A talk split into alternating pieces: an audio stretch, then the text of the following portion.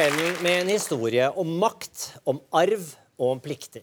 Nordens mektigste finansfamilie kontrollerer i dag verdier på størrelse med Ikea ganger tre. Peter Wallenberg jr. er på vei inn. När André Oskar Wallenberg grundar Stockholms Enskilda Bank 1856 lägger han grunden till ett imperium som sedan dess dominerat svenskt näringsliv. Inget annat land i världen har haft en lika inflytelserik finansfamilj och ingen annanstans har så få kontrollerat en så stor del av börsen. Wallenbergföretagen har idag över 600 000 anställda. Peter Wallenberg Jr styr nu sfären tillsammans med sin bror och kusin. Som ordförande i Wallenbergstiftelserna är han ansvarig för familjens förmögenhet och delar årligen ut 2 miljarder kronor till svensk forskning och utbildning. Ta gott emot Peter Wallenberg jr. Det här är ljudet av Skavlan, producerat av Motory för SVT.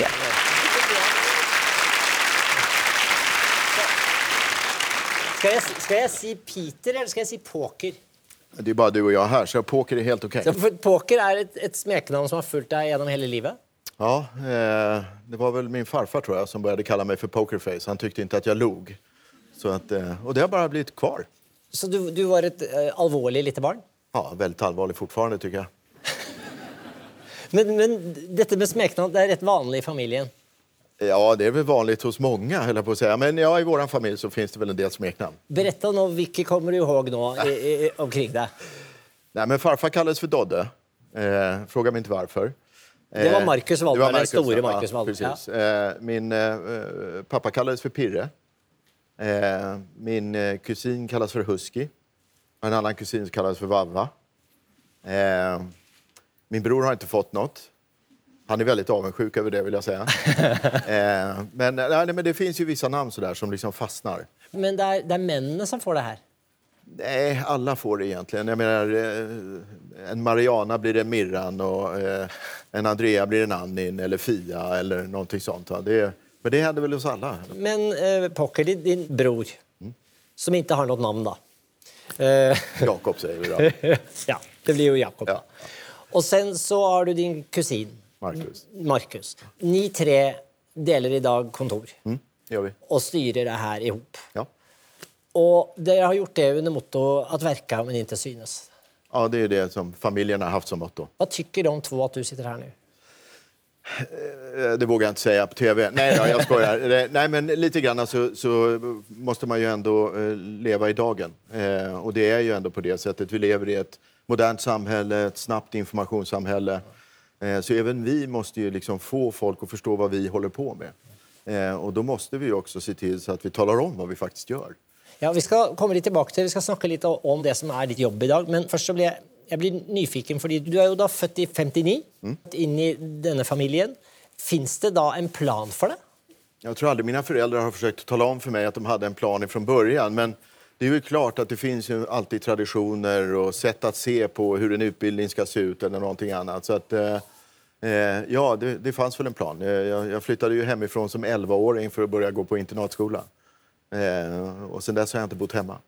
Din mamma var ensamstående, och din pappa, vad sa du till honom? Alltså, när jag var tre veckor gammal så flyttade vi till eh, Rhodesia, nuvarande Zimbabwe. Då var min pappa säljare av borrutrustning för Atlas Copco. Eh, men de skildes när jag var ett. Eh, men de har alltid varit kompisar med varandra. Så att, eh, även om min pappa inte flyttade hem till Sverige förrän jag var tio så försökte de ju ändå se till så att vi träffades eh, eh, under året. Men på den tiden, nu pratar vi ju 60-tal, det var ju inte liksom att det fanns 12 flyg per dag till London där han då bodde. Og sen så blir du skikket på internatskole.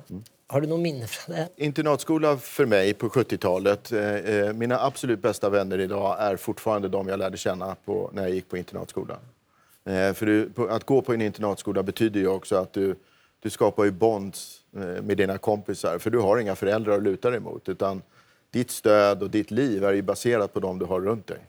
Så för mig var sex år på, på internatskola i Sverige och sen några i utlandet det har varit otroligt viktigt för min egen utveckling i det perspektivet. Men, men kunne det også være, være tøft? Ja, alltså det är klart att det kunde. Du hade ju inga föräldrar där. Eh, så det, det är klart att det ibland kunde vara tufft. Eh, eh, sen ska jag väl villigt erkänna att jag var väl inte världens absolut bästa elev. Eh, och det gjorde väl att livet ibland kanske var lite tuffare än vad det behövde vara.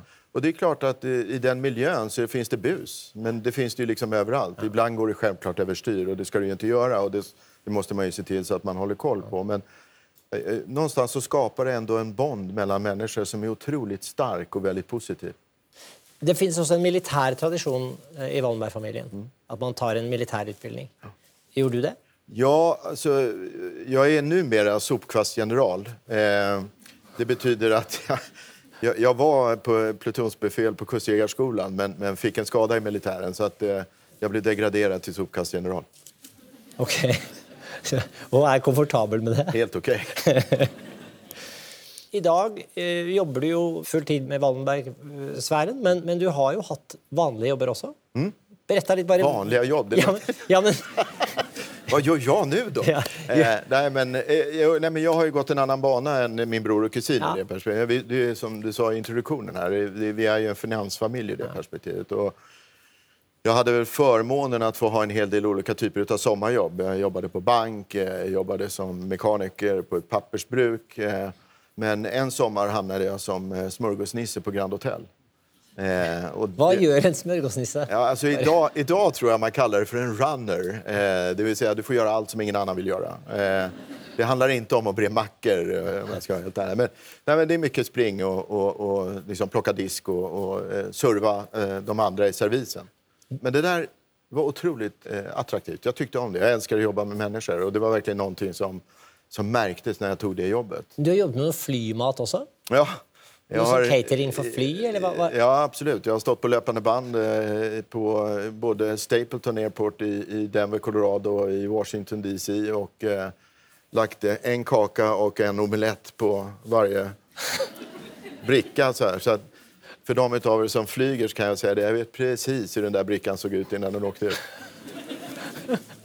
Men du har Det att du valgte en annan väg än din bror och din kusin, alltså att du valgte hotell och restaurang och du blev ju senare VD på Grand Hotel, kunde det vara kontroversiellt i familjen? Ja, eh, absolut. Jag menar, min farfar var ju inte helt nöjd över att jag valde den banan. Han, han, eh, Dodde, Marcus. Dodde, ja. Han eh, eh, motsade sig det ganska kraftfullt. eh, Till dig eller till... Absolut. Ja, ja, nej, han hur var den praten? nej, nej, det var, ingen, det var ingen dialog mellan två människor utan det var en monolog snarare om vad som gällde. Det är det. Men, nej, men eh, samtidigt så Men hade- det har varit svårt, för, alltså, för då var ju du en ung man. Mm. Kände du måste stå upp mot honom, eller var det...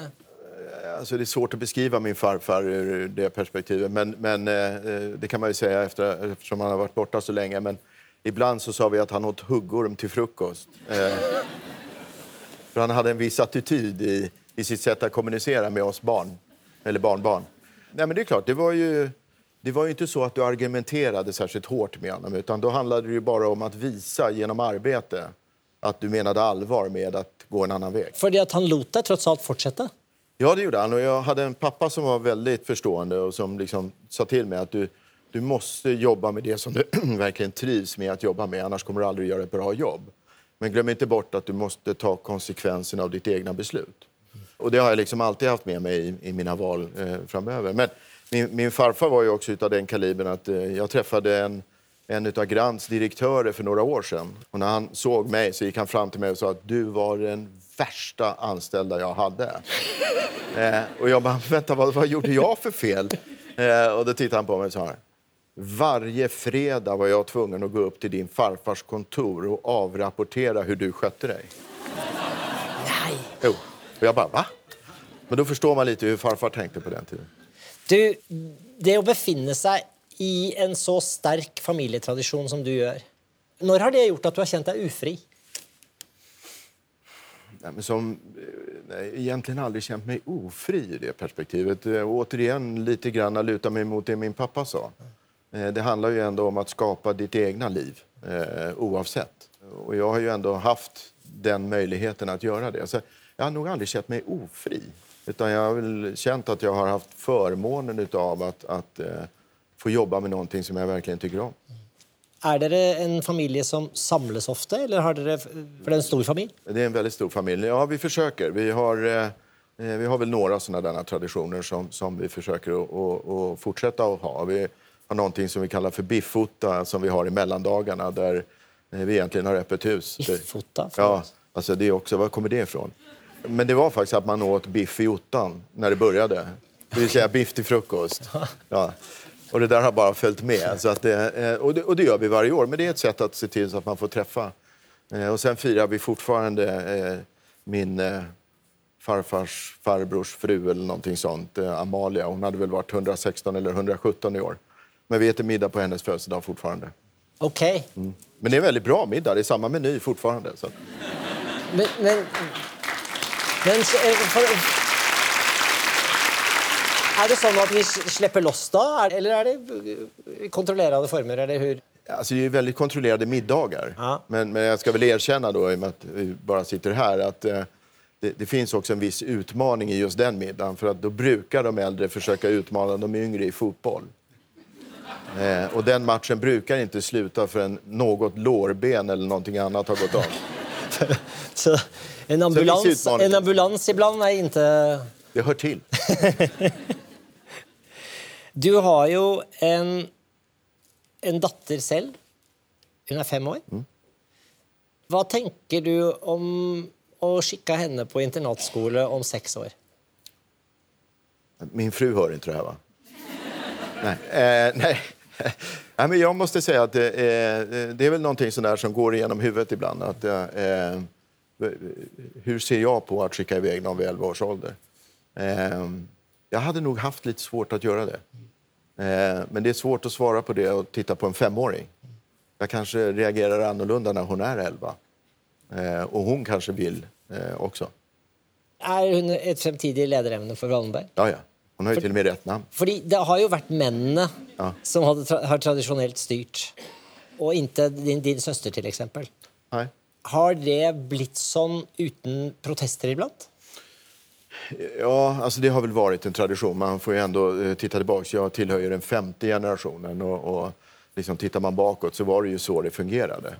Eh, I min generation, i den femte generationen, så är det ju jag, min bror och kusin som är de som jobbar dagligdags i de här frågorna. Men eh, jag har systrar och kusiner, eh, kvinnliga sådana, som alla är engagerade i stiftelsernas arbete idag. Eh, och i den sjätte generationen som jag jobbar mycket med att då få en lite bättre introduktion till vad vi håller på med än vad vi fick. Där tror jag att kvinnorna kommer att, vara väldigt, väldigt starka. Nå som du har blivit pappa ganska sent i livet själv, vad vill du säga är den tydligaste skillnaden på dig som pappa och din egen pappa? Eh, närvaro. Eh, jag, jag sa till min sekreterare när jag fick barn att eh, jag gick från noll barn till tre barn på ett år i och med att min fru hade med sig två barn. Eh, så att, eh, va- Så du ble Ja, trebarnspappa? jag blev trebarnspappa vid 53 års ålder. Det, var. Ja. Eh, det gör en ung kan jag säga. Men, Det- nej, men, eh, jag sa till henne att varannan vecka när jag har tre barn, då vill jag vara hemma till middag. Så då ska jag vara hemma till fem. Eh, och vi klarar väl det hyfsat, får jag säga. Och det tror jag är den stora skillnaden. Att I och med att jag blev pappa vid min ålder, att jag faktiskt kan ta den typen av beslut. Hade jag fått barn när jag drev Grand Hotel, som är öppet 24 timmar om dygnet, 365 dagar om året, hade nog varit en ganska dålig pappa. Så sånn sett en, en fordel. Ja. Jeg, jeg nevnte innledningsvis at denne familien kontrollerer rett store midler. Nå er det jo sånn at børsen svinger, men man har nevnt siffer som opptil 40% av svenska børsen er kontrollert av, av Wallenbergsfæren. Är det sunt med en sån maktkoncentration i samhället? Ja, det får du ju fråga andra. Eh, från vår sida så handlar det ju mer om att eh, eh, vi försöker att vara långsiktiga, aktiva ägare i de här bolagen. Det vill säga, vi tar ett väldigt långt ansvar. Eh, det vill säga, vi är inte de som hoppar av om ett bolag går dåligt. Därför har vi ägt en del av de här bolagen i över hundra år. Det får man liksom inte glömma bort. Det vill säga, vi har faktiskt hjälpt dem både när det har gått dåligt och när det har gått bra. Eh, så att där tror jag att det är en styrka att vi är som vi är. Eh, Men eh, om det är bra eller inte, det får du fråga någon annan. Men er det en diskusjon blant dere? Fordi at det det medfører et enormt ansvar og masse plikt. Ja, framförallt ansvar. Det er jo som å styre landet uten å være folkevalgt. Nej, nej, så långt ska vi inte gå. Eh, nej, men, eh, sen kommer ju vi in ur en annan infallsvinkel i och med att det här är ju inte, det är ju inte familjen, vi som individer som är ägare utan utan det är ju ett stiftelsesystem som äger det här. Så att eh, för oss så handlar det om att också få Dere de här... får en lønn, dere bare. Ja, vi, vi är bara anställda, så vi tjänar inga pengar på att det går bra på, för våra bolag på börsen. Men däremot, går det bra för bolagen på, på börsen så är det ju den aktieutdelning vi får ifrån dem som stiftelserna sen ger ut till svensk forskning och utbildning. Så att för oss är det ett ekosystem där vi bara är de som ser till så att det här kan fortsätta att, att fungera. Vi är bara anställda. Och när du nämner forskning, så om, om jag eh, har rätt siffror nu, så ger det ungefär 2 miljarder hvert år till forskning Ja, i Sverige. 2-2,5 miljarder. Ja. Vad typ forskning kan det vara? Det är grundforskning inom alla områden. Eh, men eh, vi gör även en del eh, projektforskning, eh, det vill säga kan vara ett område som, där vi eh, inser att eh, eh, den svenska forskningen är för utspridd och att man kanske måste sätta sig på ett ställe och forska. Eh, Ett sånt exempel är eh, Wood Science Center på KTH här i Stockholm. Du sa att du skulle ta med dig en test Ja, jag, bara därför så har jag Ja. gjort det. Bara för att visa lite grann hur, hur långt svensk forskning har gått. Det här är faktiskt en björk. Ser man det här? Det är en glasskiva. Ja, precis. Men det där är faktiskt en svensk björk. Och det där materialet kan du nu använda och göra istället för petflaskor så kan vi göra flaskor av eh, våra träd i skogen istället. Vilket innebär att vi idag faktiskt kan bygga väggar och snart, inte riktiga glasrutor, men åtminstone någonting annat. Petflaskor av trä, låter inte det bra? Fascinerande, herregud. Um, Du, det här är ju din, din jobb nu. Det är att sitta och bestämma egentligen vem ska få och vem ska inte få. Men vad i livet ditt ellers vill du säga är din största extravagans? Min största... För, förutom min familj så är det att jag får... eh, Jag har ju en ventil i livet och det är ju att få tävla med bilar. Tävla med bilar? Köra snabbt? Ja. Okej. För mig handlar det om, återigen, jag, jag var i hotell och restaurangbranschen i 30 år. Och eh, eh, jobbar man då hela tiden eh, så blir det ju väldigt enkelt att man jobbar lite för mycket. Eh, så jag behövde en ventil. Alltid varit intresserad av motorsport. Älskade Ronnie Pettersson. Eh, tyckte väl att jag var Ronnie Pettersson själv när jag körde min Saab på gatan. Men eh, jag insåg vid 40 års ålder att jag kanske skulle ta, ta licens bara för att få den här ventilen. Där jag måste fokusera rakt fram och inte på allt annat. Vad tycker familjen om det här? Då? Ja, det tog ett tag innan jag berättade för dem kan jag väl säga. Men idag tycker de väl att det är okej i och med att jag fortfarande sitter här. Nej, men idag är det inte så farligt. Eh, jag har varit med om mina olyckor eh, och då blir mamma rädd. Men, men, eh, nej, men vad med din dotter? hon älskar fart. Ja, nej, men det är helt, hon följer med mig på alla tävlingar. Eh, vi har en elektrisk go-kart hemma. Hon har förstått att det finns en knapp så hon, den kan gå fortare. Eh, ja, nej, hon är Var du som pojke som lekte med bilar? väldigt mycket bilar. Så det är en grej det för dig? Ja, Samlar du på bilar? Har ja du... jag gör ju tyvärr det. Men alltså, jag önskar ju ibland... Men man- stora eller små bilar? Ja, men det var, jag tänkte ju säga det. Ibland önskar man att man skulle kunna samla på stora bilar. Men jag samlar på leksaksbilar istället. Du Det är, mera, det är bättre med plats. Ja, lite, det är lite på det sättet. Där jag hade ganska mycket leksaksbilar när jag var liten. Och sen en sommar när jag var sommarjobbade så rensades det hemma och då försvann mina bilar. Så att, eh, eh, jag tycker att eh, eh, det, det är lite kul att försöka hitta de här bilarna som jag blir av med. Hittar jag på auktionshus och sådär. Så, Så, så samlar jag tillbaka du klarar inte att glömma dina gamla leksaker? Nej, det gör jag inte. Men bara bilar, inte naller och sådana ting du ska ha? Nej, jag har en massa SAS-flygplan också. Såna japanska mekaniska leksaker. Har jag också. Leker du med dem ibland? Nej, nej. Nej, okej. nej, nej. Nej, men då är det okej. Nu säger jag till dottern att hon får inte leka med dem heller. Nej, är det? Jag förstår. Nej, men det är en sån här dum grej, men det är, liksom, det är något kul. Det, är bara, det bara finns där. Så när jag ser det, då, då ska jag ha det. Peter, fantastiskt att ha dig här och att du kan eh, också synas och inte bara verka. Tack ska du ha, Peter Wallberg.